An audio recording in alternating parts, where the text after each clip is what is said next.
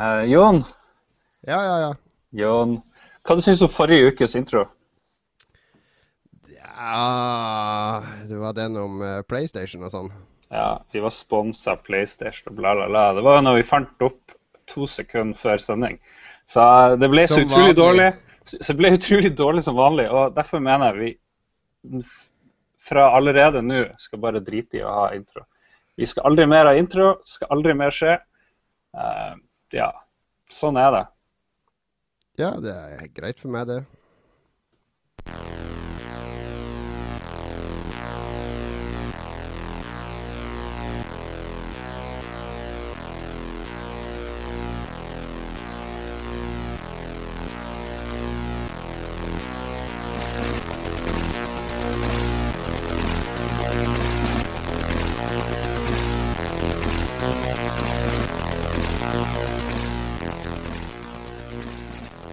Lolbua fra med nå, uten intro, altså. Det tar altså for mye tid å sette ned fem minutter og lage manus, er det så, Lars? Eh, Det betyr jo ikke at vi aldri skal ha intro, selv om man sier vi aldri skal ha intro. Ingenting av det vi sier, uh, er 100 eh, sant nødvendigvis. Ok, vi har ingen regler hugga i stein, eller så er det du sier? Ja. Uh, Det er bare én regel, og det er You don't talk about Fight Club. Det er greit. Vi har eh, en, en ny episode av Lolbua, episode 009 allerede. Vi er nummer 57, tror jeg, på iTunes-oversikten over spillpodkaster i Norge. Det er inkludert alle de utenlandske podkastene nå, da. Men uh, vi er den 57. mest populære. Det må vi nesten skåle for i sendinga i dag. Og vi har også fått med oss en celeber uh, gjest i dag. Alle gjestene våre er celebre, har inntrykk av. Jeg har ikke introdusert noen som ikke er celebre. Har, han er i hvert fall superceleber uh, gjest vi har denne gangen. Han skal komme til middag hos meg neste uke og tømme barskapet mitt som vanlig. Han har vært uh, redaktør i Game Reactor. Han er en Jeg vet ikke om han er Oslo-gutt, det må vi finne ut av i løpet av sendinga. Han er i hvert fall en uhyre hyggelig fyr. Velkommen til oss, Christian Nymoen. Tusen hjertelig takk. Tusen takk for veldig koselig eh, introduksjon også. Det skulle bare mangle. Hvor, hvor sitter du hen i verden? Jeg sitter hjemme i eh, leiligheten min på Kampen i Oslo. På Kampen i Oslo. Og du, eh, hva har du gjort eh, den siste tida? For du, jobbet, du har jobba i Game for et par år, og så ga du deg i sommer. Ja, eh, stemmer det. Eh, den siste tiden så har jeg skrevet en, en, eh, en kontrakt med NRK om å jobbe litt for de, og så har jeg tatt noen frilansoppdrag som jeg akkurat har begynt med nå. Så da har det vært en del, det har vært en del spilling i det siste. Det har gått ganske mye, det. Også. Du har fått eh, Du har sittet med PS4 i det siste, det har jeg sett på PlayStation-vennelista mi. Ja. Du, har, du fått, har du fått PS4 ennå, Lars? Jeg skal lage TV, nett-TV-innslag fra køen på fredag, og hvis jeg er tidlig nok, så skal jeg kjøpe en ny likevel. Men uh, uansett om jeg får eller ikke, så blir det gøy. Ja da, det blir gøy uansett. Ja, det blir eh, kø. Altså, jeg er blitt kontakta av uh, ganske mange den siste uka som lurer på hvor de kan få tak i en PS4. Og i dag så tror jeg det var en del hundre som fikk mail fra Komplett, som bestilte PS4 hos Komplett i juni i år under E3. Og fikk beskjed om at de skulle få den nå på fredag, og så har de fått beskjed nå om at uh, ja, de får ikke allikevel, kanskje i januar. What?! Oi, oi, oi. Det er trist. Det er ganske surt når du sitter under etere og bestiller umiddelbart når det legges ut på komplett. Ja. Men det sier jo, sier jo litt om allokering av maskiner. Altså. Jeg, tror er, jeg tror ikke det er mange maskiner i omløp her oppe i Norden. Altså. Nei. Kanskje det, er, det kanskje være litt lurt å, å gå til noen ikke-typiske spillbutikker også. Jeg tror det er På Komplett og Elkjøp og Lefta og sånt er det sikkert veldig vanskelig å få tak i, men kanskje, kanskje en leketøyshandler eller litt sånn andre typer elektronikkbutikker, hvis de får inn noe, da. Ja, Toys R Us og Euronix og er, eh, Jeg hørte på Euronix oppe på Lambertseter her. Om de fikk Mm. maskiner. Ja, de skulle få to eller tre maskiner. Og spurte jeg om de var forhåndsbestilt. Nei, sånn hadde de ikke. Det var bare å komme. Ja. ja. Så, og det gjelder jo for lekebutikker òg. Hvis du, har, hvis du har bil og er tidlig oppe på fredag i Oslo og sprer, sprer dere ut litt sånn commando-style, ikke midt i Oslo sentrum, for der skal alle, men du må ha de litt obskure småbutikkene litt utafor Oslo, så, så, blir det nok maskin. Mm. Men i Harstad, hvor mange maskiner kommer det der, Lars? Jeg så du hadde laga reportasje om det i Harstad-tiden. Ja, jeg måtte jo sjekke både for min egen del og våre lesere, så det er i hvert fall åtte på kombinerte, hva, kombinerte, du privatliv og jobb der? Du bare ja, la meg lage en reportasje om det her, fordi det her må jeg finne ut av på privaten, egentlig. Uh, jeg spør ingen stort sett når jeg gjør mine ting, så det, jeg bare gjør det og ber om tillatelse etterpå. Det funker best. det, det, er greit. Men du, hvor er det du skal inn i Harstad og prøve å få tak i maskinen? Jeg skal ned mot uh, sjøen i, uh, i uh, Harstadbotn, der det er Coop Ops, en svær jækla butikk. Og de sa Jeg får håpe at de har nett på Coop Ops. Sør etter jul, da. Du driver og detter litt ut og inn, Lars. Men det var det, Dårlig nett. Hva, du, hva du fikk med deg? ja, at du skulle på Coop Obs, tror jeg var det vi fikk med oss. Det er ikke noe Ja vel. Ja vel. Trenger ikke å vite noe mer enn det. Vi må jo ja. også spørre De fleste av våre gjester har hatt litt sånne røtter i Nord-Norge. Altså Marius Steen, som var sist gang, hadde jo faktisk bodd i Vadsø. Har du vært i Nord-Norge, Kristian? Jeg har vært i Nord-Trøndelag. Nord. Jeg har vært og besøkt eh, Bernt i Game Reactor, var det du gjorde? Nei, det, det har jeg ikke fått gjort uh, ennå.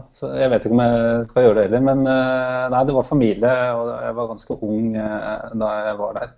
Jeg har familie fra, på, på, Vestlandet, så vi har vært veldig mye der og sånt om, om sommeren. Men jeg har ikke vært noe nord for Er det, er det Rørvik det heter der, kanskje? Så du har ikke vært nord for polarsirkelen? Altså du har ikke opplevd den, den fineste landsdelen? Nei, men altså, jeg har veldig, lyst, har veldig, lyst, til å reise dit. Jeg har vurdert det flere ganger å dra til Lofoten og sånt. Det ser jo helt fantastisk ut der. Ja, altså det er alltid plass på sofaen til nå når du har vært gjest, så er det bare å ringe Lars. Det er alltid plass hjemme hos Lars. Mm. Absolutt. Den ordentlige lolbua er jo her oppe i Harstad. Den er jo det. Hva, hva skjer nå? Nei, Jeg skal bare skru av telefonen. ok. Er det noen som ringer? Jeg ser deg på TV. Nei, jeg ser deg på YouTube, Christian. Vi eh, skal starte den eh, normale sendinga litt forsinka. Beklager til dere som ser på. Hvor mange er dere nå? I hvert fall to. Fem. Fem stykk. Ja, det, er bra. det er bra. Det er bra. Beklager til dere. Vi starter den uh, sendinga for alvor nå. Uh, snakker litt om hva vi har gjort i det siste. Uh, du er jo gjest, og du kan jo hva er høydepunktet ditt fra den siste uka? Vi trenger ikke vite alt du gjorde hver dag, men uh, hva vil du trekke fram som, som, høydepunktet ditt den siste uka? Nei, eh, høydepunktet Jeg må ta noe, må ta noe spillrelatert. og jeg har spilt Trine 2 på, på PS4, og jeg syns det var helt fantastisk bra. Jeg spilte i stereoskopisk 3D. Uh, og jeg har vært veldig glad i en del 3D-filmer eh, på ja, kino. Ja, du liker 3D. Det, der har vi, det har vi diskutert før på kontoret. For jeg hater jo 3D, og du elsker jo 3D. Ja, og det er mange, det er mange som hater det. Men det er, eh, altså, det er jo I spill da, så har det aldri fungert. Jeg hadde, var litt spent på en Charter 3 og en del sånne, noen store spill som de, som de på en måte sa at de skulle få det til på. Men de har aldri fått til noen god 3D på spill, så vidt jeg har testa før uh, Trine 2 nå. Det var men, virkelig men, helt eh, fantastisk. Men nå spiller jo ikke du 3DS, da, fordi eh, alle de siste 3DS-spillene har jo faktisk ekstremt fin sånn hva heter det, subtil 3D-effekter. Spesielt nye Zelda er jo nesten Det, det får en helt ny dimensjon. Ser du? Mm, ja. ja. men jeg, jeg, har ikke fått prøvd jeg har ikke fått prøvd det, nei. Eh, men eh, for å ta det med, med Trine, da, det som, ja, ja. Eh, det som gjør altså det det, For det første så er det noe av det peneste vis, spillet sånn rent visuelt jeg noensinne har sett. Det fungerer så utrolig bra. Mhm. Mye mer imponerende enn f.eks. Killzone. Det er Trine jeg har sittet og, nesten måpa over når jeg har sett på det. For de er, altså de har det er ikke så mye Noe problemet med 3D og spill har jo vært kamerabruken. ikke sant? Når du har drevet og sett rundt her og sånn, så, så har, ikke, har, ikke, det vært noen god opplevelse. Man, man må jo tenke på en helt annen måte hvis man skal lage noe med, med dybde. F.eks. Uh, i film da, så må jo regissøren lage hva, helt andre typer scener enn ja, ja, ja. Eh, men, men, hva er Trident, for de som ikke vet? Det er sånn todimensjonalt puzzle-plattformspill, er ikke det? Der du, ja, der du det er. Jeg tror det, jeg tror det er utvikla i, Finland, og så er det et sånt eventyr. Ja, det, Utrolig fin sånn uh, middelaldertema, og vandrer på en måte sidelengs. Men, men 3D blir jo mye enklere med en gang det er sånn 2D-spill, fordi da har du da, da, kan du legge på sånne helt klare lag. Altså du har en bakgrunn, og så har du der action ser, og så har du noe som er i forgrunnen. Ja. Det som er, det som er så, så, kult med akkurat det, det er, det er helt rett det du sier, det er at jeg føler på en måte Hvis du har vært på hjemmefors, uh, Norsk Hjemmeforsvar, da, museet, museet, så har du sånn, når du er på museet, så ser du inn i sånn montre. ikke sant? Ja, ja. Eh, og det er litt sånn jeg har følt uh, det er verdt å spille Også. jeg sitter, det er skikkelig nerdete, men jeg sitter på en sånn stol, da, en 46 tommers uh, 3D. Jeg sitter helt inntil uh, TV-en på en vanlig kjøkkenstol og, og, spilt og på en måte sett inn i det. Akkurat som det er et akvarie foran meg, da, hvor på en måte hele eventyret utspiller seg. Kan du sende bilde? Jeg trenger bilde til, eh, til en boss-illustrasjon eh, for podkasten. Det, har vært en, ja, det har vært en skikkelig, skikkelig god opplevelse. Jeg synes det er litt sånn, det er nesten litt pussig at det er Killzone som på en måte er det store sånn, grafikkmonsteret på PS4 som skal imponere. Og så er uh, Trine et spill som ikke har blitt snakka om i det hele tatt. Eh, det, det er jo fordi det er jo et, to år gammelt eller noe sånt. Det har jo vært ute på PC i år og dag. Ja, det, ja, det har det jo. Og så har det jo vært på, på de konsollene nå, Xbox 360 og sånt. Eh, ja, da er det jo. Eh, som, som nedlastbar tittel og sånt. Men, men, men likevel, da. Det, er, det, har ikke vært i 3D før. Nei, og, og, der, og der har de virkelig gjort en ordentlig god jobb. Men 3D er, jo, 3D eh, er jo mer eller mindre Altså Det var jo Sony som satsa fullt på 3D. Alt på uh, PlayStation 3 skulle plutselig være i 3D. Og nå mm. De driter jo en lang marsj i det nå på PlayStation 4, så Trine, eller Trine, blir vel stort sett det eneste som er i 3D på den maskinen, vil jeg tro. Det er jo ikke engang støtte for 3D-Blu-ray på den. Ja, jeg vet det. Altså, det er litt merkelig, det er litt merkelig men Eh, det var ganske tydelig at man ikke hadde nok kraft da, til å kjøre 3D på en god måte eh, i den forrige, i forrige generasjonen. For Det krever jo veldig mye. Det krever jo at du nesten kjører dobbelt så, altså du må kjøre dobbelt så mange biler. da. Men det er nok litt sånn ond sirkel òg, med at veldig få faktisk brukte 3D-funksjonene. Så, ja. så ja. Nei, men du har jo spilt Trine. Lars, hva er du yeah. på med? Du sitter fortsatt i kjelleren til mor di? Jeg gjør det. Jeg blir her en stund, tipper jeg. Jeg har eh, nettopp fått eh, tilbud fra, fra moderen. Sterkt redusert pris på huset. Jeg sitter her. Um, hun skal jo flytte et annet sted, og jeg driver og leter etter, etter sted å bo.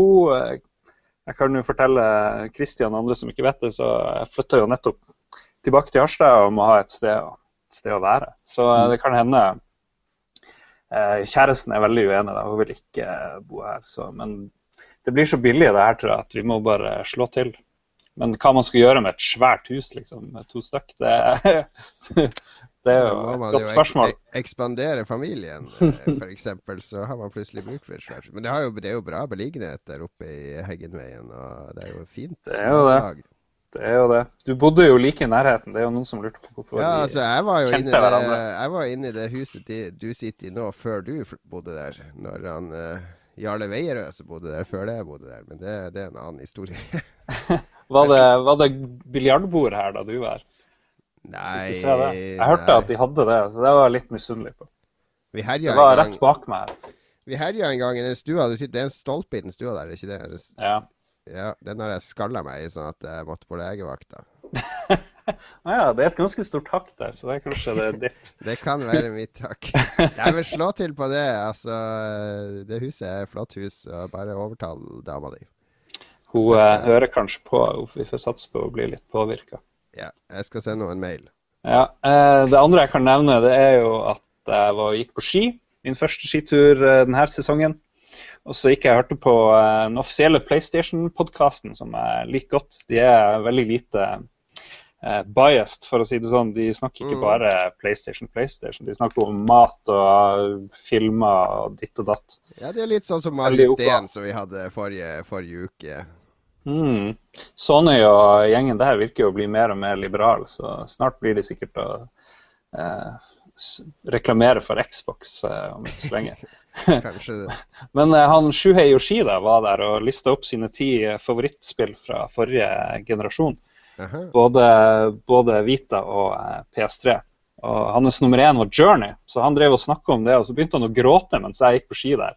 Eh, I, i, uh, været var ikke så fint som det burde være, men det ble en fin stund likevel. fordi han snakka om den Journey, og hvordan han, det fikk han til å tenke på eh, bestemora, eller var det bestefaren? Jeg tror det var bestemora som hadde dødd, eh, sikkert for ikke så lenge siden. Og ja, følte at han tok en slags eh, reise inn i, seg sjøl og et eller annet forhold han hadde til dem. Og det, jo, det her Journey er jo litt sånn som det der Passion of the Christ, virker det som.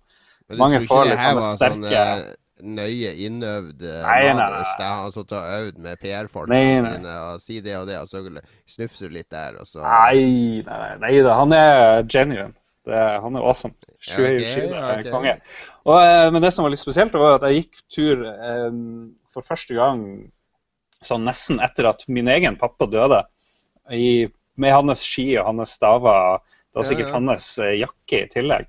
Så det, da kunne jeg liksom koble, koble på et vis. Jeg husker ikke om jeg spilte Journey sjøl før eller etter han døde, men eh, jeg vet ikke. Journey var jo et veldig vakkert eh, spill, og jeg syns det er litt kult at folk reagerer så forskjellig på det. Man kan liksom tolke det og putte inn sine egne ting i det, og det er jo sikkert fordi det ikke er noe dialog eller noe som helst. eh, Ja, det er veldig potent, uh, potent kraftig spill. Jeg var, jeg hadde sånn, var med i en pana, pan, paneldebatt på et bibliotek en gang om uh, uh, spill og, og spillfortellinger og sånne ting. Og der fortalte jo bibliotekaren meg, hun var en dame på nærmere 60, at hun hadde lest anmeldelsen min av Journey i Aftenposten, og da hadde hun gått ut og kjøpt seg en PlayStation 3 bare for å spille det. mm. Det måtte hun sjekke ut, og det spillet likte hun veldig, veldig godt, da. Ja, jo da, nei, det, og de som ikke vet hva spillet er, de må finne det ut. Det er, du går i drømmende landskap og hopper og svever litt. Og, ja. Nei, det, det er et spill som man må oppleve, egentlig. Det er vanskelig å forklare det her og nå. Men eh, ja, søk etter Jon sin anmeldelse på Aftenposten. Ja, Hvis du ikke har brukt opp de åtte sakene du har hver uke. du, har, eh, du har spilt Journey, Christian. Ja, jeg, jeg syns det er eh, helt fantastisk. Jeg tror, lurer på om ikke det er det eh, beste spillet jeg har spilt den generasjonen her nå. Jeg har spilt jeg har spilt det flere ganger. Jeg synes, jeg, en ting jeg liker så utrolig godt med også, er at det, er, at det ikke varer så lenge. Mm. Jeg synes, eh, altså Det varer i, i om lag to timer, og så er det likevel noe av det, noe av det eh, sterkeste jeg har spilt. Eh, og Jeg tror kanskje at, eh, jeg håper at mange andre utviklere ser litt eh, etter det og lager kortere tid. Nei, kortere, altså kortere spill, eh, mer konsentrerte og fokuserte. Fordi at jeg føler at det er Hvis jeg tenker på en del av, av, av mine, mine venner, de har på en måte gitt opp uh, dette her. ikke sant? De er, de er småbarnsforeldre, og det er, liksom, det er tids, eh, tidsklemma. da. Mm. Eh, og jeg merker at de faller, altså folk som har hatt veldig interesse for spill eh, tidligere, de faller av. Og jeg tror, eh, kan på en måte forstå det. Eh, fordi at eh, det krever så mye, det tar så mange timer å spille, å spille et eh, spill. Ja, nei, det burde absolutt være flere sånne spill. Og så også få de mer uh, tilgjengelige opp og frem. Fordi det skrives jo altfor mye om de her eh, 50-60-70-timersspillene. Men ta, ta Mac for eksempel. Da. Det, er jo et, eh, det syns jeg var et helt forferdelig, forferdelig kjedelig spill. Eh, du har jo på en Mac, er det ikke det heter, på PlayStation 4? Ja, det, du snakker jo om det der plattformeventyrspillet som er litt sånn som Skylanders, der eh, bortsett fra figurer, der det bare går rundt og banker opp folk hele spillet. Ja. Og det, da har du på en måte Du har jo spilt hele, så å si hele spillet i løpet av de siste, eh, første 20 minuttene. Ja. Eh, og så varer det sikkert i ti timer, og det, og det, det liksom forstår jeg ikke. Og Samme er det med Call of Duty og, og Battlefield også. så Det er bare det er en tidtrøyte. Det er bare noe som er eh, dratt utover. Altså, du, Jeg tror at folk hadde satt mer pris på å få en ordentlig god spillopplevelse som varte i, i, to timer der. Hvor du, hvor du hadde en del hvor du var, hadde en utfordrende scene foran deg da, som, kunne, som de hadde lagt mye arbeid i, istedenfor å på en måte bare løpe bortover på, på et rullebånd og sikte og skyte og få presentert filmsekvenser.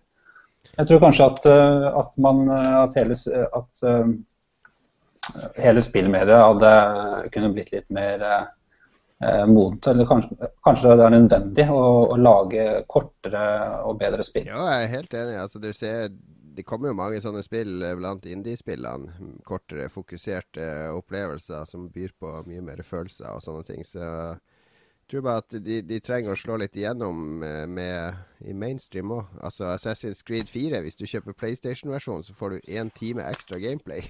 Og da tenker jeg da vil jeg heller ha den versjonen som har én time med mindre gameplay, så jeg kommer meg gjennom det. For jeg trenger ikke mer i et sånt type spill. Men, men. Mm. Eh, det var eh, Lars sin eh, følelseslada skitur. Kom hjem, eh, tårene frosset fast som istappa nedover kinnene. Nei, det hørtes Veldig, veldig korrekt eh, beskrevet. Bortsett fra at det kom en hund som begynte å jage etter meg var, da glemte jeg fort, eh, fort, det der, der, men jeg skal uh... altså, Nå begynner jeg å tro det her er noe du har drømt, men uh, la, oss gå, la, oss gå, videre. Det var i barn, da. Står du på ski om katta? Ja, det går, går, på ski, heter det. Stå, det er, det er slalåm. Gå, det er langrenn. jo, det er gå på ski oppe på hytta, men det er en annen, en annen uh, lolbua. Jeg har vært på min årlige lutefiskemiddag, og det er uh, fjerde året på rad. Og det, hvert år som går, så blir den lutefisken bedre og bedre. I starten så smakte det jo ikke så bra, men så i år så var det sinnssykt godt. Så jeg tror det er sånn tilvenningssak, sånn som uh, sushi. Mm. Og så har jeg begynt å se på en uh, TV-serie som heter Comic Book Men. Det er en TV-serie eh, av og med Kevin Smith som handler om, uh, om tegneseriesjappa hans i New Jersey. For han eier en tegneseriesjappe i New Jersey. Der det er tre karer som, uh, som, jobber, og en fyr som bare henger der hele tida. som er på min alder. Og uh, han, uh, han fyren som bare henger der hele tida Altså, har du sett altså Kevin Smith var jo han som lagde Clerks. Som er en genial, morsom film da den kom. Og masse andre elendige filmer. Mm. Men ja. Ja, Målrett var veldig kul, men Clerks, Clerks, var fantastisk bra. Og i Clerks, de to hovedpersonene, det er jo han Dante og han Randall. Han Dante han var liksom basert på Kevin Smith. Det var han streite butikkfyren. Og så han Randall var han der komplett gale fyren som jobba i videosjappa. Som ga F i absolutt alt. Og han fyren som henger i den tegneseriebutikken, han 45-åringen, det er han Randall er basert på. Og han er jo omtrent like gal som Randall fortsatt. Altså, han gir absolutt F i alt, og bare kommer med dårlige kommentarer. Men, men, det er sånn Spiderman uh, altså For de av oss som hang mye på Spiderman-spillsjappa før, det er veldig sånn Spiderman-følelse i den tegneseriebutikken. Fordi alle kundene som kommer inn, er sånn supergeeks som skal selge tegneseriesamlinga si, eller er på jakt etter et eller annet nummer av Spiderman eller eller en actionfigur fra 60-tallet, eller noen sånne ting. Og så kan de så utrolig mye, de som står i kassa. Og så er det litt sånn som uh, på de der uh, pantelånene i Las Vegas, og sånn, der de kommer inn og så tror de at du skal få sånn 2000 dollar for den Supermann-tegneserien. Og så ja, jeg kan gi deg 100 dollar, for det er vannskader der. det er ditt og datt der. Så du har det aspektet, men så har du, du har hele den geek-faktoren, fordi det blir så internt. altså det de går i detalj på, på bryllupet mellom uh, Sue Richards og Reed Richards i, i, Fantastiske fire, og alt mulig sånne ting som jeg har lest og har, uh, og har vokst opp med på en måte. Så det taler veldig til nerdehjertet mitt, den serien der. Høres bra ut. Skal sjekke, sjekke Men er det no documentary, eller? Nei, det er, jeg, altså, det er jo det er dokumentar, da, men du, jeg, jeg, ser jo at en del ting, sånn som det alltid er i de der greiene der, er jo iscenesatt. Altså, det er jo ingenting i lagerkrigen og alle de tingene der som er helt ekte. Hva? alt av reality er fake. Idol og alt det andre pisset du ser, det er utrolig mye som skjer bak scenene som du ikke vet om. Men også her. De har selvfølgelig sendt inn folk Vi vet jo at det er ja. fake på reality. Jesus. Ja, det, jeg tror ikke det er alle som vet det. Tror du ikke? Hvordan går det an å ikke vite det? da? De sitter jo f.eks. og snakker om ting som skjer Det sitter jo folk og stemmer ikke sant, på de her tingene og bruker penger på det. De må jo Hvorfor skal du bruke penger på noe du ikke tror på? Det sykeste er jo de her eh, Jeg har sett mye på Masterchef med mamma i det siste. Det, det er så sykt når de sitter der, eh, Jørn Hole og lager mat og alle de her rare folkene. Og så ser du at de lager mat, og så klippes det inn til sånne greier de har tatt opp senere. Ja, det her er utrolig spennende. Jeg lurer på hva som skjer nå. og la, la, la, jeg lurer på om fisken min blir litt for mye kokt og sånt. Så, og det funker jo veldig bra inntil du eh, stopper opp og tenker på at det her er jo tatt opp senere. Han vet ikke hva som skjer. Men, de, ja, men de er jo veldig flinke skuespillere, og de får det liksom til å være veldig dramatisk. Men det er jo selvfølgelig fake. De klarer jo ikke å sitte og kommentere noe samtidig som det skjer. Så folk må jo skjønne at det her er ikke er helt uh... Det er jo det, og det her er også litt sånn småfake her og der, men den humoren de har, de folkene, er genuin i hvert fall. Og spesielt når de driver og mobber hverandre, for det er mye, mye hetsing av hverandre i det programmet, og det liker jeg godt. De ler, ler seg i hjel av hverandre sine tabber og sånn. Så det er vel stort sett uh, det, det jeg har gjort. Det vi har gjort. Det er uka, ukene våre oppsummert, er det så? Ja, men vi må ta en ting med en gang. Hva er en ja. Brunker. B-r-u-n-k-e-r. E det er en bruker som stava feil. Det er en uh, Du falt ut igjen, Lars. Er du tilbake? Ja, nei, Jeg lurer fortsatt på hva en brunker er. For han der uh, jævla Aslak Borgersrud har tweeta oss og sier ikke for å være frekk eller noe, men det er noen jævla brunkere hele gjengen. Bare sier det. ja, det er, er, er det må være et hiphop-uttrykk. Vi får gjøre research på det. Vi er ikke hip nok er hip nok til å ha beef med hiphop-guttene. men nå har jo Philip også tweeta oss med capslock 'send hjelp'. Så, så vi, vi, satser på at han fortsatt er på vår side. Det her blir en svær beef. altså. Når du kommer til Oslo neste gang, så skal vi ut med med finlandshette, og da blir det showdown. Ut og tagge. Vi skal tagge deres territorium. jeg tror Brunker kanskje er noe positivt. Han der Aslak er jo en hyggelig og uh, han, han, liker ikke å provosere, han. Han er streit. da. Nei da, det er uh, i all vennskapelighet. Vi er klar for å gå gjennom uh, mediet som både jeg og Kristian har jobba i, det nemlig nyhetsspalten.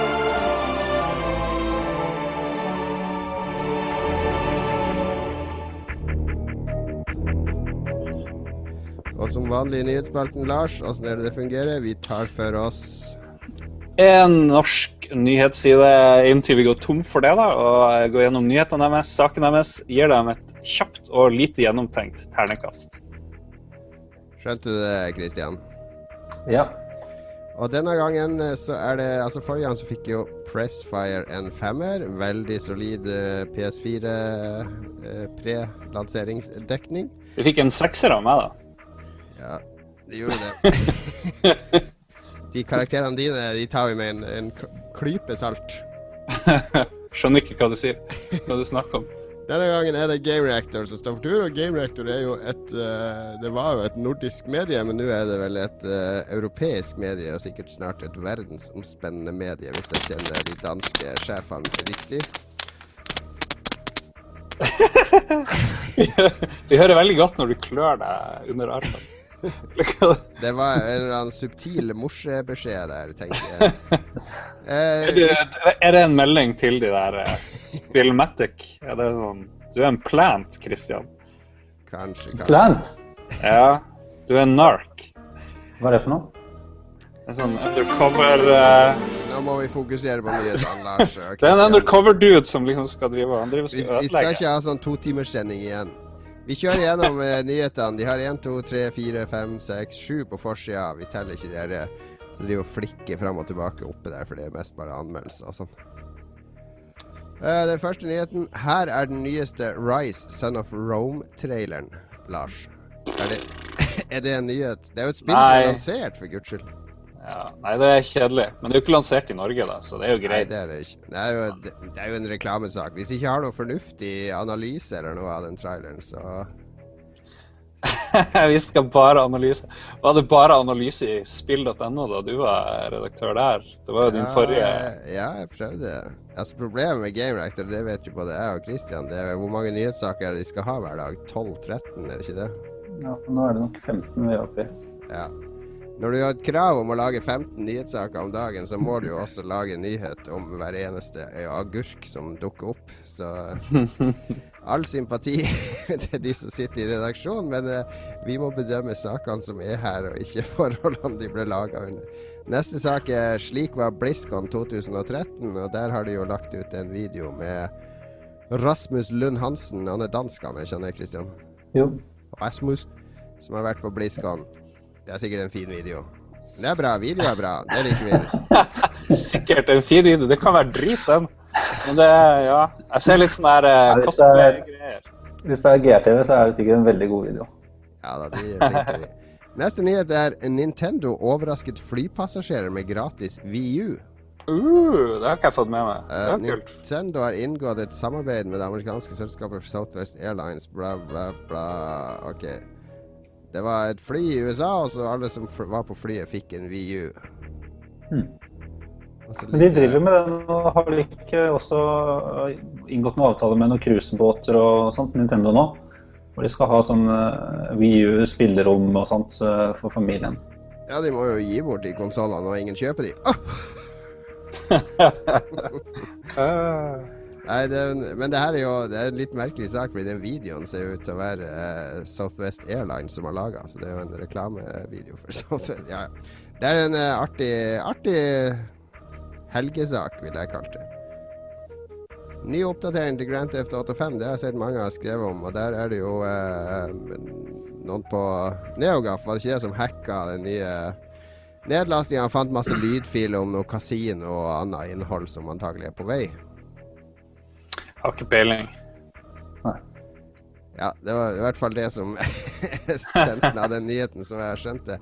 Ja, Det viser at det er utvidelse Folk vet ikke om det er til singleplayeren eller multiplayeren ennå. Men det husker jeg når jeg spilte GTA 5. Det er jo et svært kasino på østsida av, eh, av byen der. Altså, det går ikke an å dra inn i det, og det virker som en ekstrem sånn missed opportunity. Fordi det er veldig lett å inkludere litt blackjack og sånn i spill. Ja, det er jo en hesteveddeløpsbane der òg som jeg hadde lyst til å fære styre på. Det er bare et helikopter der, tror jeg, hvor du kan gå på missions. Nettopp. Ja, nei, jeg håper det kommer mer der. Grei nyhet. Neste nyhet. GR-TV. To timer med nostalgi og spillsnakk. Det er bra. Pluss. Pluss i boka, pluss på terningen. Spillsnakk er bra. Det er jo litt Vi, kan jo, vi har jo ikke sett på noe av det her. Det er elendig research, Jon. Hvordan skal vi klare å si noe fornuftig om det her? Jeg har sett på det på forhånd. Jeg har gjort min research. har du sett de to timene med nostalgi? Nei, jeg orker ikke. Det er jo ikke Altså, det, det her Nå er er vi på det er slåtten nyheter. Altså, vi sortert etter nyheter. Det er jo strengt tatt ikke en nyhet. Men uh, OK, så det er minus, egentlig. ja, det de er dårlig, dårlig sortering, så det er litt minus. Xbox One er 550 kroner dyrere å produsere enn PS4, er neste nyhet. Og det er en sak fra All Things eh, HD, som uh, har regna ut prisen på komponentene. Ja, hvordan kan det være dyrere å lage? Ja, ja, det må jo være kamera. kamera. Kinect, ja. Ja. Det er sikkert det. Ja, jo, den, de er jo omtrent lik hvis man ser bort fra Kinect, står det her. Men hvorfor er, ja, hvor mye dyrere er Xboxen nå? Hva blir den å koste? Vi vet jo ikke det, gjør vi det? Det er 500 mer enn PlayStation. Er det bare 500 mer? Det er ikke 1000 mer, som man trodde først. Nei, det virker, I butikkene virker det som det er mellom 500 og 1000 mer. Men hvis den er 500 kroner dyrere å produsere, så er det jo, det er det jo helt naturlig. Men folk virker jo å like den der Kinecten, Kinect 2, så vidt jeg kan se av noen eh, anmeldere. De syns det er gøy å snakke til den her eh, saken. Ja. Men uh, jeg gleder meg veldig til å snakke nordnorsk til Kinecten min. Kinect, fuck off, osv. Det blir bra. Vi får prøve. Da må du jo uh, Ja, nei. Vi får se når norsk kommer. Og Kinect kommer, for den saks skyld. Siste nyhet er vi spiller Super Mario 3D World live klokken 16.00. Ja, jeg er lei av Game Reactor allerede. Nei, men jo, de har jo et voldsomt press på seg for å lage nyheter. Og da blir det jo mye mye, og så har de jo ekstremt mye som skjer. Fordi Hvor mange redaksjoner er det nå, Christian? Det er åtte-ni? Jeg vet ikke. Jeg tror det er kommet ny i Portugal nå. Så da er det jo i Italia, Spania, Portugal, Tyskland, England, eh, Finland, Sverige, Danmark, Norge. Jeg telte ikke, men uh... Men er det, er det, her et sted du vil gå uh, i fremtida for å oppsøke spillnyheter, Lars? uh, jeg vet ikke. Nei, uh, nei. Jeg, jeg, har, jeg, jeg, kjenner, jeg føler at uh, jeg vil gå på steder med personlighet. Og det da må jeg, jeg skal Du skal få bedre internett i hvert fall, for nå falt du ut igjen. Det er, det er Spillmatic som saboterer hele greia. det kan være. Skjønner, jeg skjønner mor som sitter og streamer noe på Netflix. oppe Nei, det er ingen som gjør noe som helst. Det er det som er så rart. Så det er en dårlig dag. Men ja, jeg skal gi de her videoene og de greiene en sjanse. Jeg skal gjøre det. Det er på tide. Jeg må sette meg inn i Game Reactor.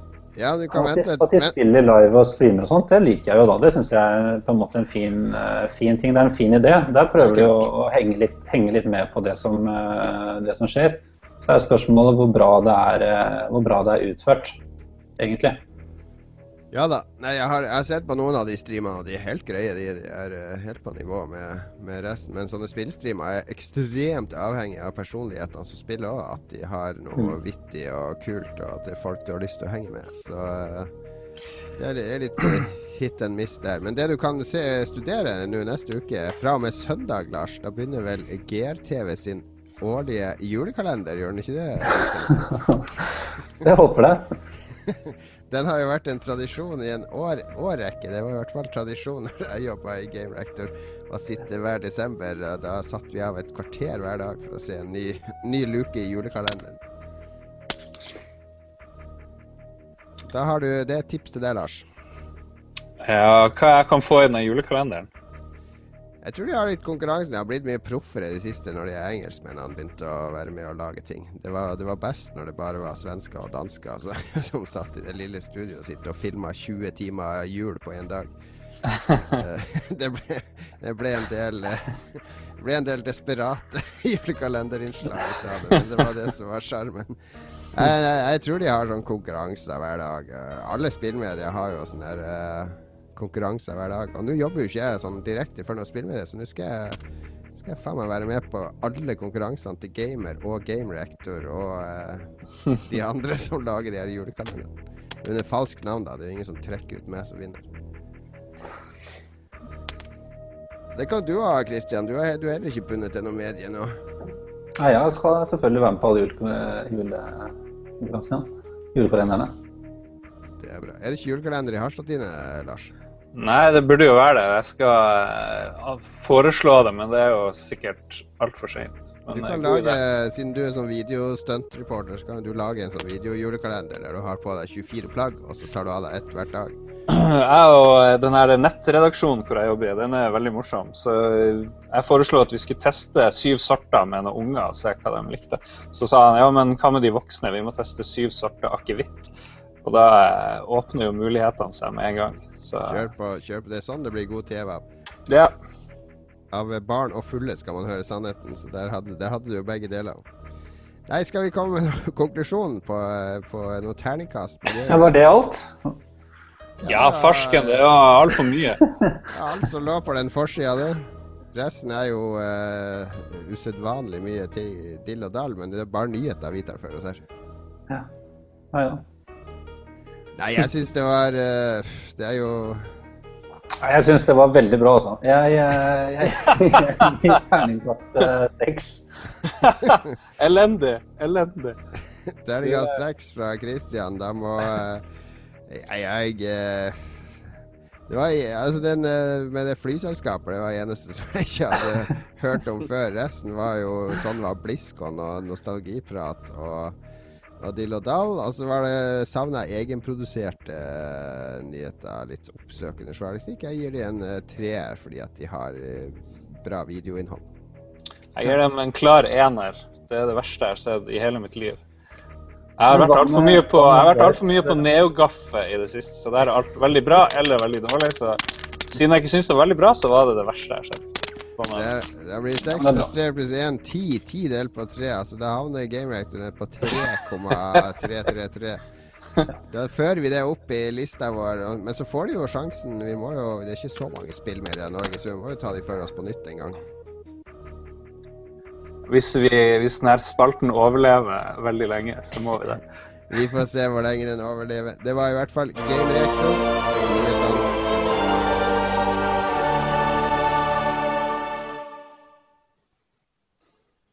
Vi skal til eh, Har vi fått noen lyttespørsmål, Lars? Ja, det er jeg som har plotta inn eh, dagens lytterspørsmål, og det har bare fosa sofosa inn her. Eh, selvfølgelig, Martin Herfjord er vår uh, faste mann, er back. Så han lurer på om uh, Super Mario 3D World er det som skal til for å gi Wii U et sårt trengt løft i salgstall. Og jeg vet ikke. Det kan jo ikke bli så mye dårligere enn det er. Men det har vel gått ganske opp i Japan, hvis jeg husker rett.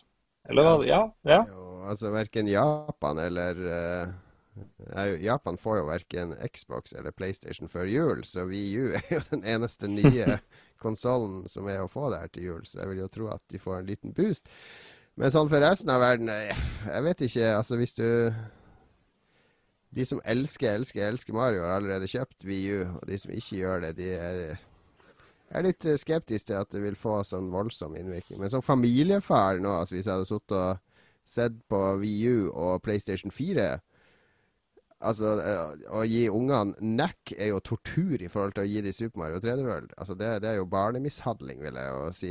Nesten grunn til å tilkalle barnevernet og sende ut bekymringsmelding. Altså, det, det, er, det er det kuleste barnespillet, eller familiespillet jeg spilte i år. Jeg spilte med ungene i en uke hver dag sammen med fireåringen. Han elsker Super Mario 3D World. Det, det er mye bedre samarbeidsspill enn alt annet jeg har spilt. Så at uh, hvis de skal få noen boost, så tror jeg det må bli via familien. Ja. Nei, det blir ikke noe boost. Det kan vi slå fast med en gang. Uh, Jeg tror nok det litt på. Det er jo uh, Altså Når jeg har eh, Jeg ble litt overraska når jeg så, så de første sånne, sånne, litt lengre sånne japanske trailere og sånt av det med, med masse gameplay. Eh, og jeg fikk jo veldig lyst til å spille det. Eh, og jeg har jo Jeg har ikke, eh, jeg har ikke brukt eh, så, Altså, jeg hadde en jeg disponerte Game etter sin, eh, sin Wii U når jeg jobba der, men den sto jo bare og, og støva ned. og da nå har jeg ordentlig lyst til å spille det nye Mario-spillet. Så jeg tror uh, sikkert noen andre også som, uh, som tenker at uh, ja, som får lyst til å kjøpe, uh, kjøpe konsollen bare pga. det spillet virker så bra. Jeg håper jeg det. det. Altså, det, er, det er et knall, knall, knall spill som fortjener å bli spilt. Det er beste Mario på veldig, veldig lenge, så det, jeg, håper, jeg håper virkelig at det får en boost. Og jeg, jeg har veldig sansen for sånn som den traileren du snakka om, når de bare viser gameplay. Fordi det, er Mm. bare, det er jo bare Nintendo som lager sånne trailere. Her, se spillet vårt, se hvor gøy det ser ut. Mens hvis du ser en trailer for Gears of War eller whatever, så er det jo bare en masse cutscenes og sånn, noe sånn hurtigklipp fra slagmarka med dubstep, og så er det ferdig. Så det er Nei, jeg krysser fingrene for Nintendo. Altså, jeg, jeg liker ærligheten og ekteheten deres. Så kjøp, kjøp gjerne VU. Den, den fortjener å overleve sammen med PlayStation og Xbox. Jeg vil, jeg vil heller anbefalt eh, 3DS da, hvis noen absolutt skal kjøpe noen Nintendo-greier. Og hvis de ikke har det eh, før jul. Det, den her vennligheten og det der, det følte jeg veldig nå når jeg spiller Zelda. Jeg elsker spill som sier at nå er det på tide å ta en pause, og så tenker jeg ja, det er kanskje på tide å ta en pause. Ja, nei, 3DS er, årets beste konsoll altså, sånn, når det gjelder spillutvalget. Så jeg er for så vidt enig med den. Har vi flere spørsmål, Lars? Ja, fra vår venn Blakefate. Eh, Robin Skoglund spør jeg vil ha en episode eller noe om juksekoder i spill, historie, fun facts etc. Det kan vi, jeg vet ikke, Er det gøy å ha en hel episode om det? Ja, det kan vi jo godt prøve å lage. Eh, men har, vi har i hvert fall notert det, Robin. Så får du heller sende meg en, en PM med det spillet du sitter fast i. Skal vi se Tommy Wilhelmsen, en eh, dude eh, jeg kjenner godt fra Alta. har tatt et langt spørsmål, men det, jeg prøvde å koke det ned til Har Need for Speed-serien blitt så dårlig som gamerne mener? Han synes de står bra, og, og, men, mens anmelderne synes det er kult. Så han mener at liksom, gamerne har begynt å mislike Need for Speed-serien, mens eh, det ikke fortjener det ryktet. da. Eh, nå har ikke jeg spilt det siste. Har noen av dere gjort det? Rivals, nei. Jo, jeg har spilt Rivals. Rivals er kul. Altså, det er det samme som de to Det er de to forrige blanda sammen og så putta inn i sånn åpen uh, verden, sånn som Forza Horizon. Sånn fri, frie landskap, ikke en by. Uh, uh, nei, det er Jeg skjønner jo hva han mener. Altså, PC-spillere hater jo Need for Speed. Hvis du har sett den Total Biscuit-videoen om Need for Speed Rivals, så forklarer han jo ganske greit hvorfor. Fordi det er lost til 30 FPS, og det er det er veldig uvennlig spill for PC-spillere. Og, og, så kan du låse det opp til 60 frames, som han gjør, men da går hele spillet dobbelt så fort. så, så, ja, det det er litt latterlig. Men uh, at, at, de spillene har blitt så mye dårligere, de har blitt mer uh, tilgjengelige. altså Det har blitt litt annerledes. Altså Før så handla det jo om å kjøre sånne lange landeveisløp mm. fra A til B, der det ikke skjedde stort. Og hvis du syns at de gamle Need for Speed-spillene var så jævla bra, så er det bare å dra tilbake og spille de. De er der fortsatt. Og det var ikke så bra som du husker det. Det er bare at du har utrolig gode minner fra det. Bilspillene har utvikla seg, og Need for Speed-serien er ikke den var, var, god når den var på høyden og når de var teknologisk avansert, men de har forfalt sammen med teknologien. Så jeg syns de nåværende spillene er ganske bra, men det siste spillet syns jeg er litt sånn ufokusert, og, og, jeg sliter litt med motivasjon. For du kan bare kaste deg ut i det og kjøre hvor du vil og gjøre hva du vil og plukke opp løp hele tida. Altså jeg har ikke noe sånn jeg, jeg, jeg, savner litt mer sånn struktur. Litt sånn mer langsiktig struktur. For det er hele tida bare sånn umiddelbar tilfredsstillelse. Og, og har du lyst til å kjøre et løp, gjør det her. Og har du lyst til å kjøre om kapp med han, gjør det nå. Og har du lyst til å gjøre det i stedet, gjør det. Og jeg vil jo ikke kjøre mer, ja, bare gjør det i stedet. Det er, det er sånn mas, føler jeg. Så litt mer struktur. Jan Christian Heigel spør gleder vi oss til Witcher 3. Eh, jeg kan jo svare for meg sjøl og si nei, nei. Jeg spilte toa. Jeg prøvde å spille toa, det ble altfor mye greier man kunne gjøre. Eh, ja, rett og slett. Så Altfor mye greier man kunne gjøre? Ja, det er sånn som Kristian sa i sted. Han ville ha litt kortere og litt mer enklere ting. Det jo, men det handler jo om hvor man er i livet og hvor bra uke man har. liksom. Hvis eh, Witcher kommer på feil uke, så blir jeg bare glemme det. Sånn er det.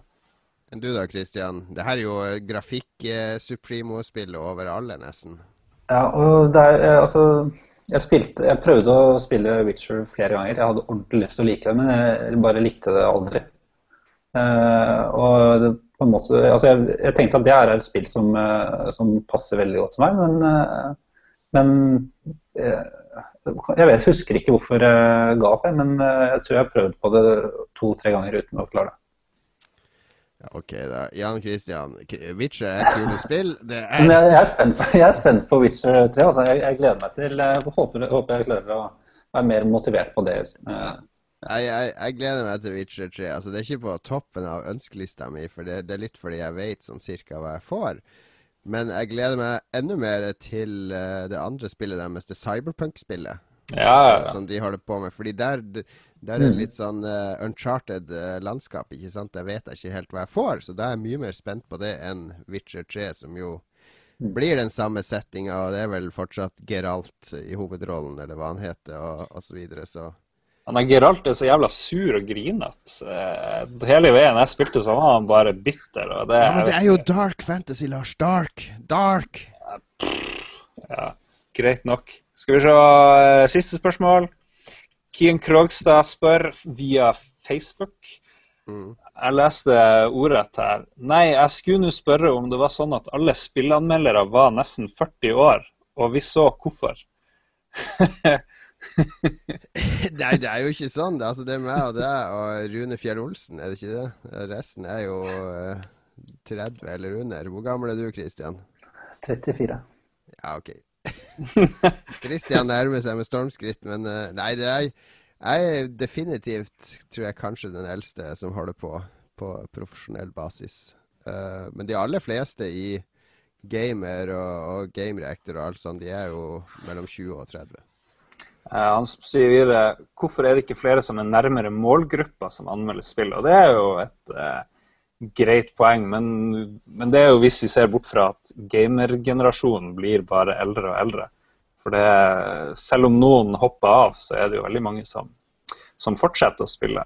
Men eh, det er jo rett at det er jo ikke så veldig mange jeg vet ikke, 14-åringer som, eh, som, vi får se i de store spillmediene, i hvert fall. Som jeg har sett. Nei, altså Dagbladet brukte en 14-åring for mange år siden når Halo kom. Og han ga Halo to eller tre fordi det var teit å skyte aliens. Han ville heller skyte mennesker. Så du får jo, får jo, det du ber om. Nei da, det finnes mange smarte 14-åringer. Men uh, altså det, det, som jeg har, og kanskje du har, og, og, andre som har vært med en stund, er jo at vi har litt perspektiv på ting. Altså Jeg kan jo se en PlayStation 4-lansering i lys av PlayStation 3-lanseringa og toer-lanseringa og eneren. og Vi har vært med på mye ting og kan se kanskje kontekst der unge, yngre og uerfarne folk ikke ikke har opplevd ting før og kanskje ikke har den samme greia. Og det gjelder jo altså filmanmeldere. kan jo, De beste filmanmelderne er jo de som nærmer seg 60. Har du hørt på han der i P2, han der eh, filmer i nei, Mørkets opplevelser? Han, eh, Altså, Nei, han, han, er jo dørgende kjedelig, da, egentlig. Men han er sikkert eh, kunnskapsrik. Ja, han gir god innsikt i filmene, som jeg ikke får av å høre på eh, Tor Mille på P4. Han er jo også eldgammel. Altså, men du skal ikke høre på P4, da. Det er jo første bud. Nei, det hender dessverre. men eh, det, det, burde jo ikke være noe sånn aldersgreie, spesielt ikke hvis du har vært med en stund. Og så spørs det jo også hva slags anmeldelser du skriver. Altså, jeg, jeg, kan ikke Det er enkelte spill jeg ikke kan skrive om fordi jeg ikke har nok innsikt i det. Fordi det er ting som kidsa Det var ikke lov å si. Som ungdommen i dag uh, spiller mye. Sånn Dota 2 og alt det der har ikke jeg hatt tid å sette meg inn i, så det er helt ukjent landskap for meg. Men, uh, ja, men de sitter og spiller Dota 2 og League of Legends og uh, rare ting jeg ikke vet om. Så jeg føler jo at det er en viss disconnect med anmelderne i dag. I hvert fall de du ser oftest på VGTV. og Eh, Aftenposten og sånt. Jeg vet ikke om de har helt uh, ting på pulsen. Sammen med de aller yngste som driver og spiller det der uh, Clash of Clans, eller jeg husker ikke hva det heter på, på iPad og sånt. Det er mye spill de yngre holder på med som ikke vi vet om engang. Det er jo litt bekymringsverdig. Jo, men det er to måter. Altså, Clash of Clans, Dota 2 og League of Legends var felles for all tid. Jo, det er gratisspill. Så I utgangspunktet er jo forbrukeranmeldelser De er jo eh, meningsløst, fordi en forbrukeranmeldelse er jo skal jeg kjøpe det her eller ikke. Det, du trenger du bare å laste det ned og spille det, så finner du jo ut om det er noe for deg eller ikke. Så det må jo heller være en sånn kulturell relevant anmeldelse. Altså en uh, tolking av hva det her er for noe. Hva, Hvorfor spiller du det her? Hva, hva er grunnen til at det her fenger osv.? Uh, en andre type tekster som etterlyses i forbindelse med de spillene, og dekning av e-sportkamper osv. Så, videre. så det er jo behov for journalistikk og, og kritikk rundt de, men det er på en helt annen måte, føler jeg, med mange av de nye spillene. Men til ja, mitt forsvar kan jeg jo si at jeg har jo både en tolvåring og en fireåring i huset. og tolvåringen er jo han som har lært meg om Clash of Clans. Altså, han sitter jo helt i forkant og følger med på de her tingene. Så jeg vet jo hva, hva de på skolen hans spiller lenge før jeg vet om de tingene sjøl. Clash of Clans hadde jeg aldri hørt om når han og plutselig hele klassen hans satt og spilte det for et år siden. Eller da det kom. Ja, Nei, jeg vet ikke. Jeg tar poengene dine og sånt. Men uh, jeg føler jo ofte at uh, hvis jeg møter en 14-åring, så aner jeg ikke helt hva han holder på med i det hele tatt. Og det, det burde jeg jo vite. ja, du burde jo det. Men det er jo Spillmediet er jo blitt så stort at det er vanskelig å dekke alt som skjer. Yeah. Uh, ja. Kristian? Nei, jeg tenker litt på den saken du skrev for, uh, for Aftenposten. Det synes jeg var en veldig, veldig god og interessant sak om Free to Play. Eh, jeg, også, altså, jeg, spiller jo Clash of Clans nå, og grunnen til at jeg gjorde det, var jo fordi at eh, jeg skulle skrive en artikkel om det. Mm. Så jeg måtte sette meg ned og finne ut uh, hva det egentlig var. Uh, og begynte å analysere spillet litt og sånt. Og uh, nå jeg tror jeg har brukt etter, etter jeg skrev den artikkelen, så tror jeg jeg hadde brukt noe rundt 100 kroner eller et eller annet da, på et gratisspill. Mens, mens nå tror jeg jeg har brukt nærmere 1000 kroner på et spill, wow! et spill som ikke jeg syns er noe kult engang. Jeg hater det spillet. What? det, er, det, er, liksom ikke noe, det er ikke noe gøy, jeg har ikke noe glede av å spille det. Men jeg har investert så mye tid og penger i det at jeg, bare, at jeg må fortsette. Eh, og så har jeg noen kompiser som vi er i en liten eh, klan, og så driver vi og spiller det, fortsetter å spille det spillet. jeg tror du er en typisk brunker, Christian. ja. Men en, en, ting, jeg har en, jeg har en liten teori på, på, på, hva det kan være. For altså, det er jo en sånn, Clash of Clans er jo en sånn liten, uh, liten middelalderby. altså uh, Hvor du har et forsvar og angriper andre og samler penger og alt mulig. Du driver en liten sånn du driver en liten by. da. Jeg tror uh, det eh, Jeg har på en måte prøvd å forstå hvorfor, er det, hvorfor jeg egentlig fortsatt å spille eh, noe som jeg ikke syns er noe gøy. Eh, hvorfor har jeg drevet med Hvorfor jeg, hvorfor er jeg så dum, liksom? Eh, og så har jeg en, eh, en analogi på at, at det kan, kanskje kan være som et slags Husker dere sånn bilveiteppe? Ja, jeg har sånn. Eh, og jeg føler at det er en slags eh, det er et slags sånn digitalt bilveiteppe. da, eh, Hvor jeg har liksom mine kanoner og min morter og min gullgruve og alt sånt. Eh, og, så, og, så, har jeg jo lyst på bedre ting. ikke sant? Jeg har lyst på nye ting til det bilveiteppet og sånt også. Og da har jeg liksom investert penger. da, Så jeg liksom unna meg på en måte eh, hva skal man si, digitalt leketøy i den lille, teite byen min.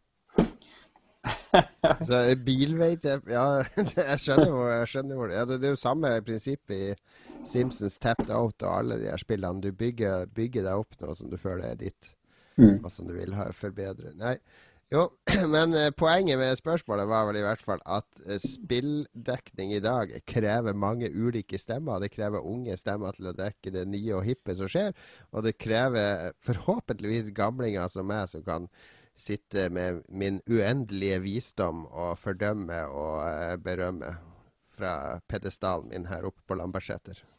Og så trenger folk oppe i Nord-Norge, sånn at de også er fornøyd, sånn som Lars. ja, det skal være bo folk i husene, sier jeg bare. Vi må kjøre pausemusikk, og så må vi kjøre i gang etterpå. vi, For at det her ikke skal bli sånn rekordlang sending, så peiser vi på rett etter pausemusikken. Kristian, uh, uh, du skulle egentlig velge pausemusikk i dag, men jeg fikk aldri noen sang fra deg, så da har jeg overstyrt uh, alle dine ønsker og tatt noe du egentlig ønska deg, som du ikke visste om. ok. og som jeg glemte å legge inn på spillelista her. Så Lars, du må snakke litt kjapt om eh, hva som skal skje etter pausen. Ja vel, vi skal snakke om ting vi har spilt i det siste. Vi skal ha quiz med Quizmasteren, og vi skal ha retrospalte. Men eh, hvis vi nå skal slå i hjel litt tid, Kristian Jeg driver og lasta ned doktorgradsavhandlinga di. Det er andre gang jeg har hatt mulighet til å laste ned doktorgradsavhandling fra gjester. Eh, vel? Jeg regner med det var din, eh, hvor det var snakk om musikk og kroppsbevegelser. Stemmer det? Ja, nei, det er, ikke, det er ikke meg, det. Det er en annen som heter Kristian uh, Nyman. Jeg har fått, uh, fått flere mail uh, som skal til han også flere ganger. Ah, fordi jeg hadde hørt at du holdt på med musikk. Eller stemmer det eller ikke? Jo, det stemmer det. det stemmer det. Kristian er en gammel singer-songwriter, men det kan vi snakke mer om etter den sangen her. Den er en remix av en festlåt fra Disaster Peace. Synk og synk heter den. Vi har tre minutter på oss. Mute mikrofonene, gutta. Trykk på mute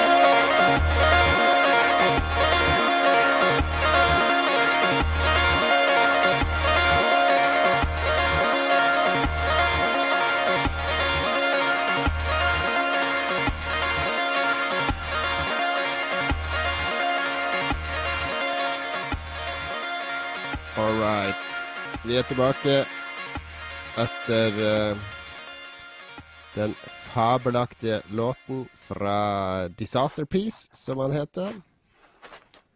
Uh, Gud, så skuffa jeg Det var ikke Christian som hadde skrevet doktorgradsgreia. Nå dreit det ut. Christian, vi har muta mikrofonen din. Jeg tror du må unmute den. Nei, der ja. Det står Jon Cato Lorentzen ignorerer Christian Nymoen. står det det? ja. Det ble, ble, litt støy her uh, når Christian reiste seg, så jeg tok, uh, tok et lite inn, inngrep der. Hva har vi spilt i det siste? Um, vi får begynne med gjesten som hadde. Jeg ser at du har skrevet opp like mange spill som folk flest spiller på et år, Christian. Vi holder oss til ett, ett spill. Du får velge ett av de spillene som du kan snakke litt om. Ja, øh, hva skal jeg velge da? Jeg har jo, øh, jeg jo snakka om Klein. Jeg syns, øh, syns, det er det som på en måte er verdt å, verdt å nevne. Men Det har vi hørt om. Men du har, spilt, har du spilt Fifa på PS4 ennå? For det har ikke jeg fått.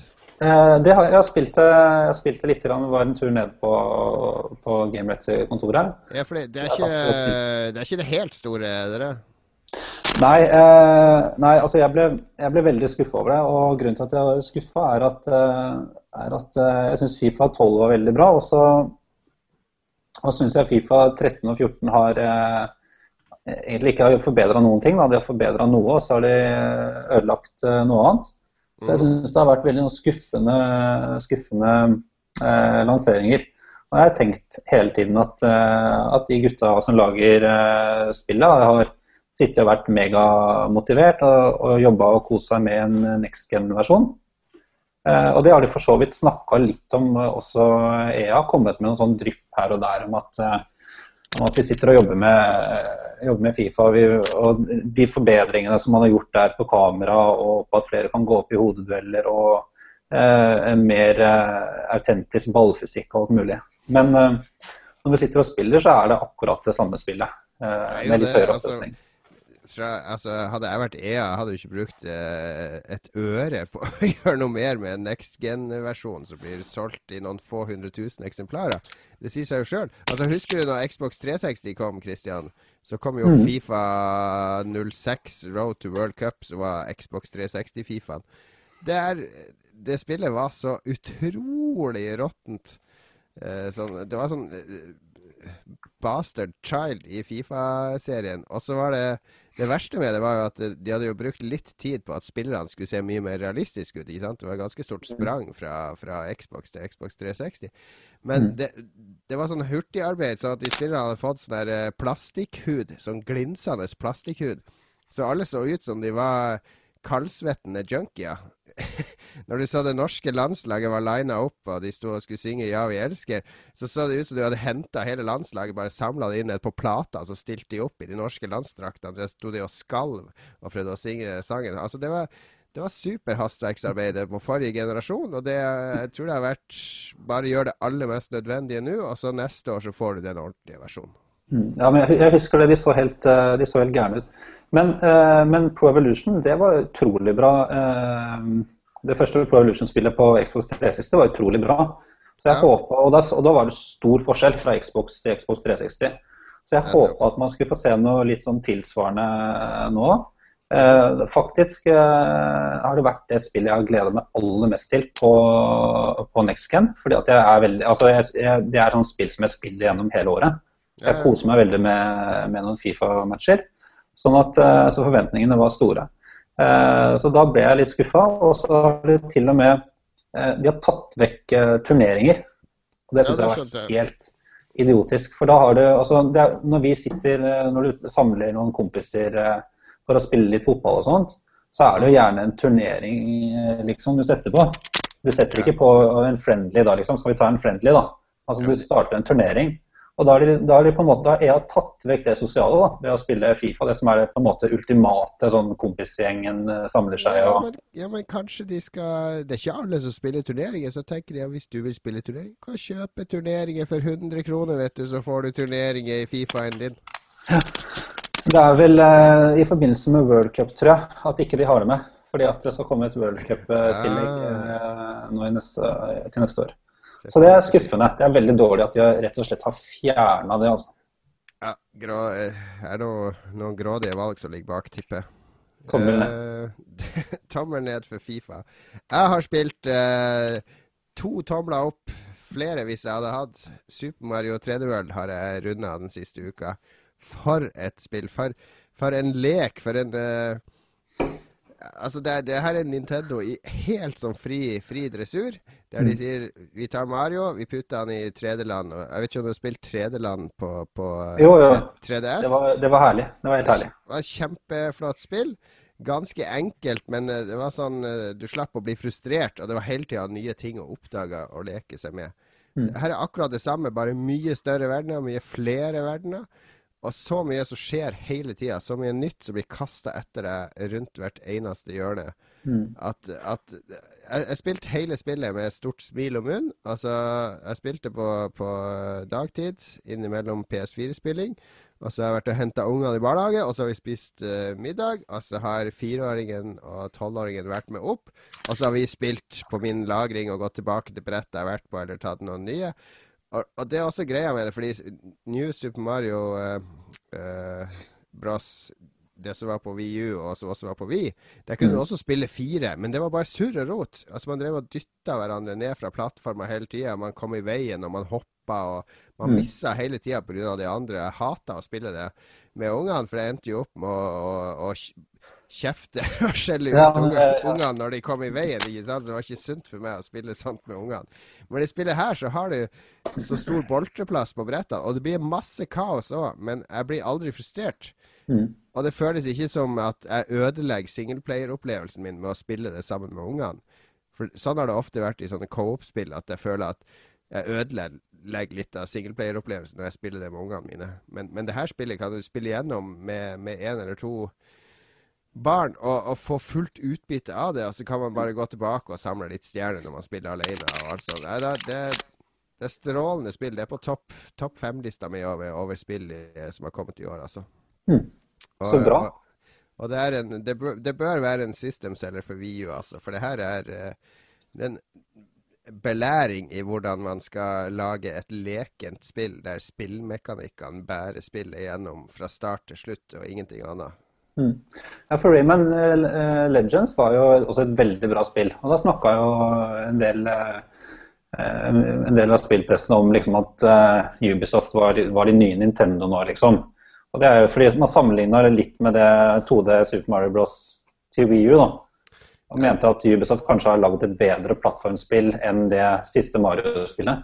Ja, det er jeg enig i. Som 2D-plattformspill så syns jeg faktisk at det nye Rayman faktisk er bedre enn New Super Mario Bros. Men Super Mario 3D-land har den der uh, bunne 3D-greia. Altså Det er ikke Super Mario Galaxy med, med, at du kan utforske i alle retninger. Det er det bunne kameraet som gjør at mm. det, blir, blir en sånn naturlig videreføring av 2D-spillene, uten at det blir sånn fullt 3D-eventyr ut av det. Så det er, det er noe helt annet enn en både Rayman og New Super Mario Bros. Mm. Du da, Lars? Du har spilt uh... Ja, jeg har uh, spilt litt uh, Jeg har jo spilt så lite i det siste, så jeg har hatt veldig dårlig samvittighet. Så, men nå har jeg jo tatt meg kraftig igjen. Men det jeg har spilt mest, det er kanskje det her Giant Boulder of Death på iPhonen din. som jeg har nevnt før, men det anbefales veldig. Du er bare en svær stein som skal rulle ned et fjell. Du kan spille det i 1000 år.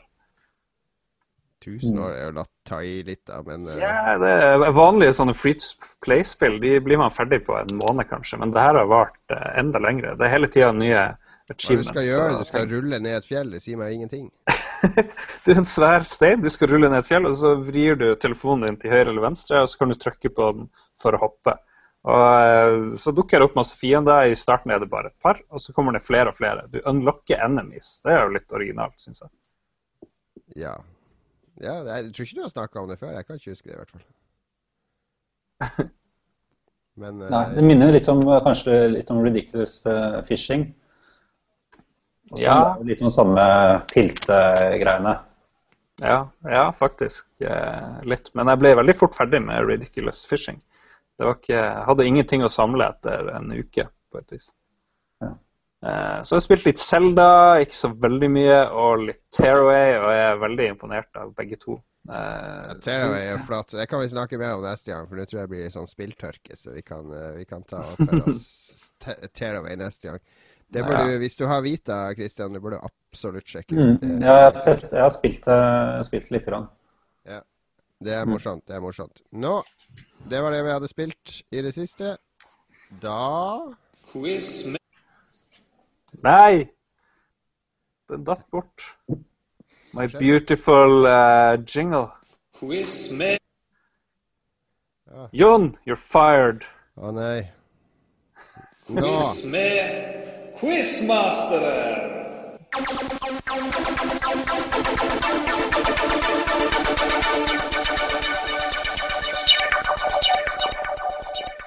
Jeg skal trekke fra 50 eh, kroner på en av fakturaene til deg, Lars, eh, for den, for den glitchen der. Beklager. Jeg har sagt jeg skal videresende dine fakturaer til horestrøk i Danmark. Eh, det, det er greit. det var nok sagt. Da. Say no more. Kristian, har du forberedt deg på quiz til dagens sending? Ja, det har jeg. Har det? Jeg har, jeg har tapt, uh, tapt to på rad. Har ikke det, da? Tapt to du har tapt to ganger på rad, så alle gode ting er tre. Ja, hvis, jeg taper mot Christian, hvis jeg taper mot Christian, så blir det endringer i invitasjonen til neste uke, Christian. Bare så vet så ja. jeg, jeg, er veldig dårlig på quiz også, så det er flaut hvis du taper mot meg. Jeg, jeg heier på deg. Ja, gjør ditt beste. OK, skal vi se. Vi kjører sånn i dag at Jon begynner og Kristian går nummer to. Dere svarer annenhver gang. og Begge får noen sekunder å tenke på, og skal dere lagre svar i hodet. Sånn at, og det, Hadde det vært helt perfekt, så skulle dere skrevet ned og sendt det til meg på chat. du trenger ikke å si det her hver gang, Lars. For det her ja, men jeg vet ikke om Kristian vet det. Vet ja da, jo da. Vi, vi, skal si svaret, ikke sant? Du leser opp et spørsmål, så sier vi et svar. Det blir mye ekstra dødtid. Må du komme i gang det er jo ikke dødtid, det her er viktig informasjon. Vi får flere Til meg og Christian, ja. Ikke til våre 500 lyttere. OK, OK. Vi får ta det før sending neste gang. Ja. Jesus. Nazion. Skal vi se. Spørsmål nummer én. Nå ble jeg jo sånn her Fikk jeg ikke lyst til å ha den der quizen. jo da, Lars. Kom nå igjen. OK. Nummer én, Jon, det er du som skal svare. Yes. Hva kosta PS4 ifølge Sony, da? Veiledende utsalgspris i USA da den ble launcha. Tenk på det jeg, husker, jeg, vet ikke hva den koster i Norge engang. Det er vel sånn Jo, jeg tror jeg vet det. Jeg skal ikke si det, for det er vel kanskje Er det alternativer, eller? Det er absolutt ingen alternativ, så dere skal bare låse en sum i hodet. Og så skal Jon Nå har dere fått nok tid. Lås inn svaret. Jon, hva koster PS4 i USA? 399 dollars, sier jeg. Ja, ja vel. OK, begge sider. det. og 99 er... cent. Og 99 cent. Ja, nei, det, det, det blir ikke noe ekstrapoeng der. Det var helt rett. Det er likt. Da går vi til spørsmål nummer to. Ja. Eh, det var to stykker som komponerte musikken til Halo. Ja. Hvem var det? Hvis dere klarer én av dem, så eh, får dere poeng. Det er jo veldig mange som liker den musikken, og den har blitt spilt på sånne spille symfoni, orkestra-greier rundt omkring i verden. Altså, Jeg har vært i Jakobskirken og sett uh, uh, han Ronny Letekrø og Nidaros guttekor spille Halo. så, så, den har vært fremført i mange anledninger. Ja. Jeg har i hvert fall svar på én person.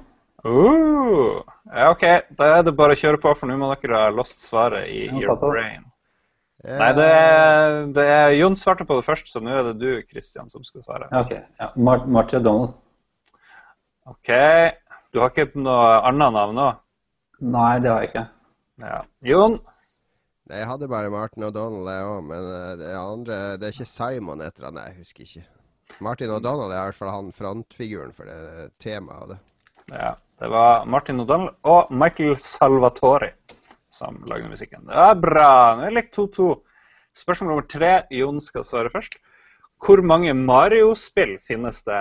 Og da må jeg jo ta forbehold om at det her er ifølge Wikipedia. Jeg har ikke giddet å telle sjøl. Dere skal få tre alternativ. Eh, er det rundt 120? Er det rundt 160, eller er det rundt 210? Og da eh, tar vi med Luigi-spill og alt mulig som er tilknytta Mario-universet. Altså Mario og Sonic etter Olympic Games og Mario Party og sånne ting òg. Ja, ja. Da, da tar jeg siste 210. Ja vel. Jeg går for den, jeg også. Jeg føler at dere bare hermer etter hverandre her, men det er greit. Det er rett.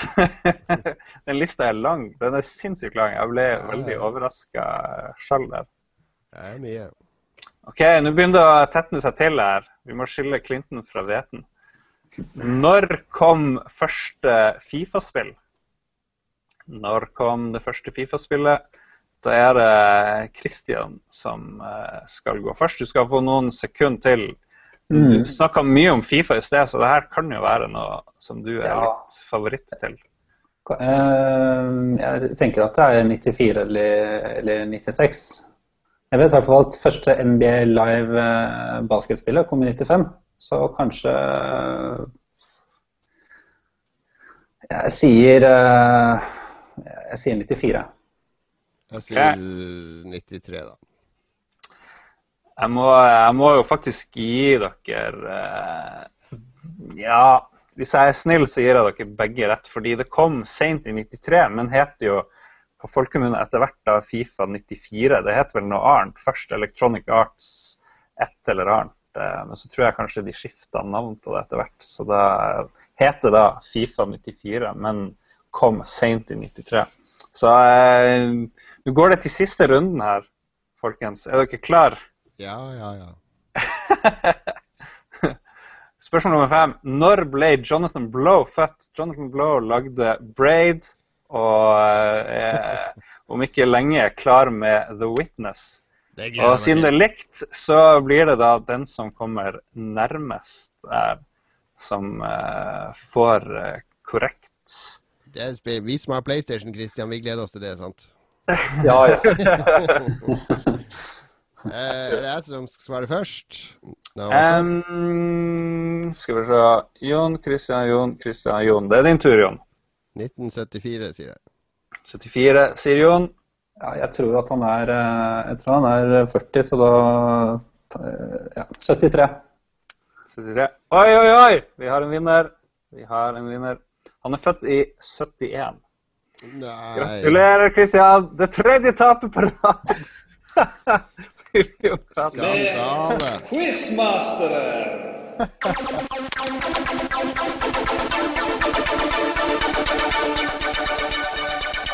Nå begynner å ligne på Vi skal avslutte denne spalten her snart, Lars. Det, Ja, altså, dette var stort for meg altså, å slå Jon Cato i quiz. Det var virkelig stort.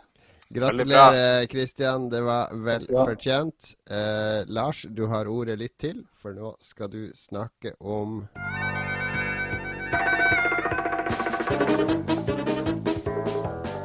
Hva er det vi hører her? Her hører vi eh, forhåpentligvis musikk fra Crash Bandicoot. Riktig, det.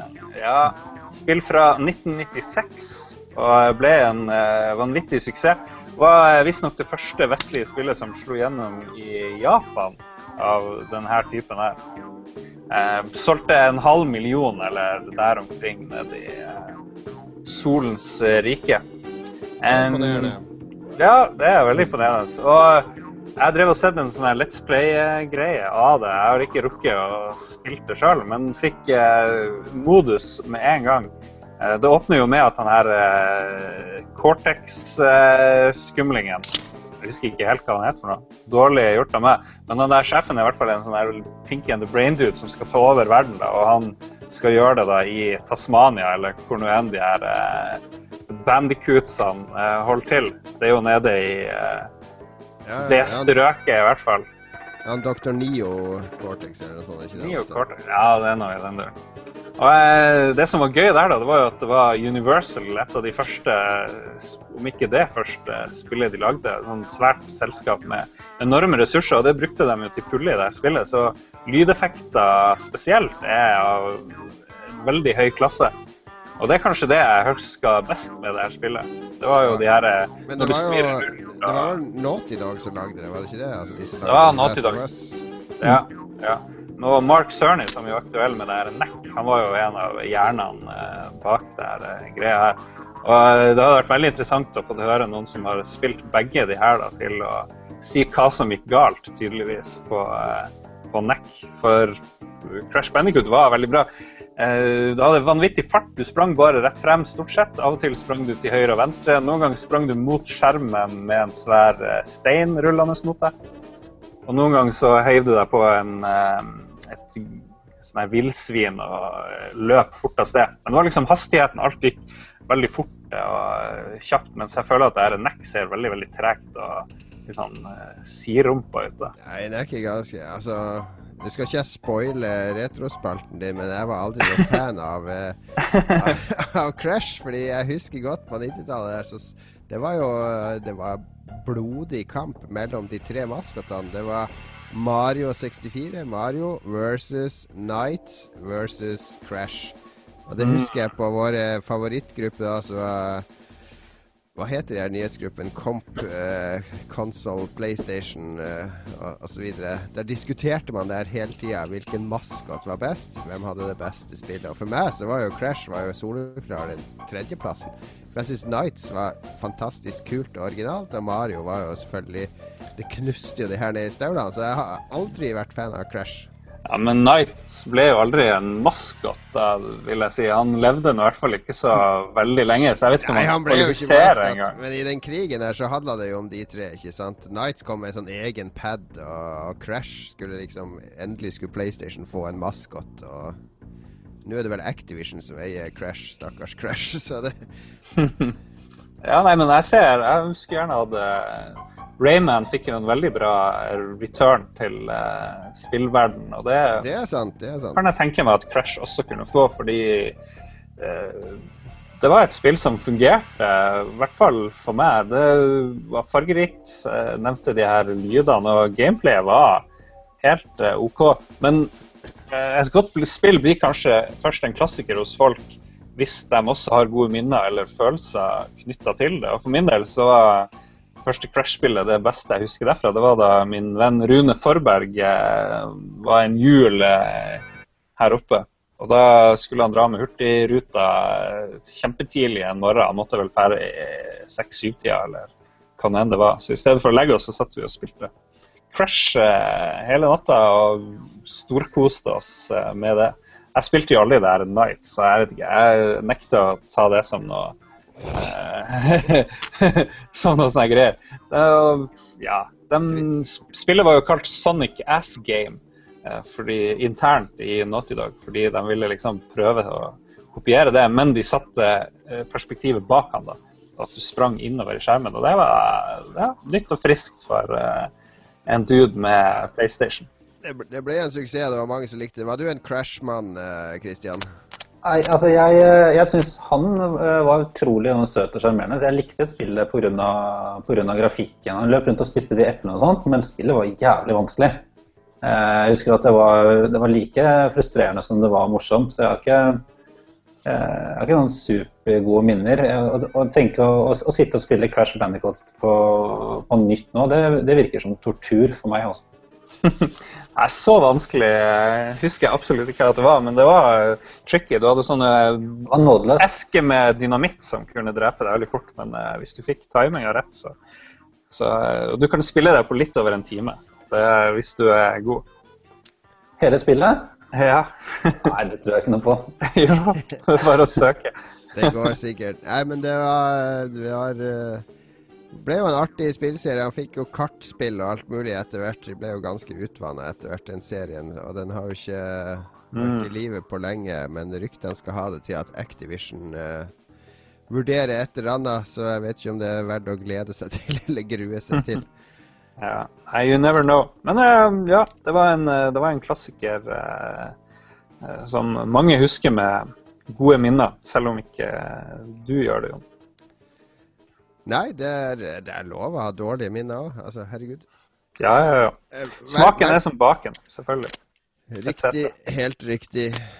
Vi nærmer oss nå slutten. Hva er dette? Det her er DJ Cutman, som har remix av Super Mario 3D World-tema. Veldig behagelig lounge-musikk. Introsangen og går igjen i flere, flere av brettene. Vi hadde en veldig hyggelig prat her i kveld, etter litt tekniske problemer innledningsvis. Kristian har vært en strålende gjest.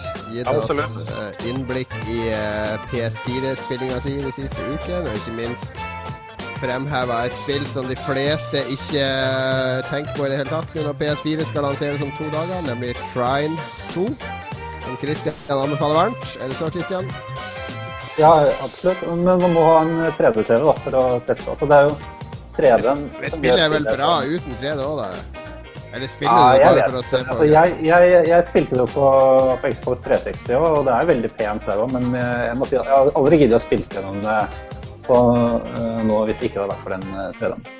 Okay, okay. Lars, har du noen avsluttende ord? Lars har falt ut igjen. ISDN-linja oppe i Harstad. ISDN, Lars, har du noen avsluttende ord? Du må ikke kjøpe det huset hvis det er internettet følger med. ja, det er greit. Nei, eneste meldinga er til han der uh, fyren som sendte oss melding på Twitter fra gatas parlament. Hvis han driver og bråker mer, så putter vi på The Gangster Glove. That show no love. Så får han problemer. Og jeg minner om at Pappa Lars var med i Amiga-gruppa mi i gamle dager, så vi har, uh, vi har hiphop-alibiet på vår side også. Absolutt. Nei, det har vært en veldig hyggelig uh, kveld. Takk for at du ble med, Kristian. Uh, veldig hyggelig å ha deg som gjest. Vi Takk. ser deg på Lolbua-treff til nyåret, når Lars uh, klarer å lure penger ut av Harstad-Tine for å reise ned på Bylarm, håper jeg. Mm.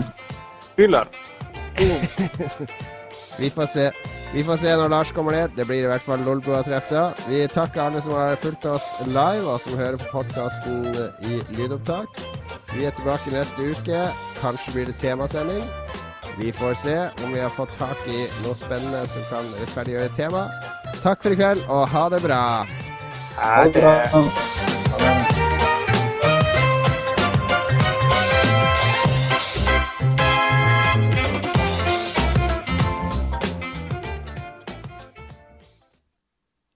Har du et enkeltpersonforetak eller en liten bedrift? Da er du sikkert lei av å høre meg snakke om hvor enkelt det er med kvitteringer og bilag i fiken, så vi eh, gir oss her, vi. Fordi vi liker enkelt. Fiken superenkelt regnskap.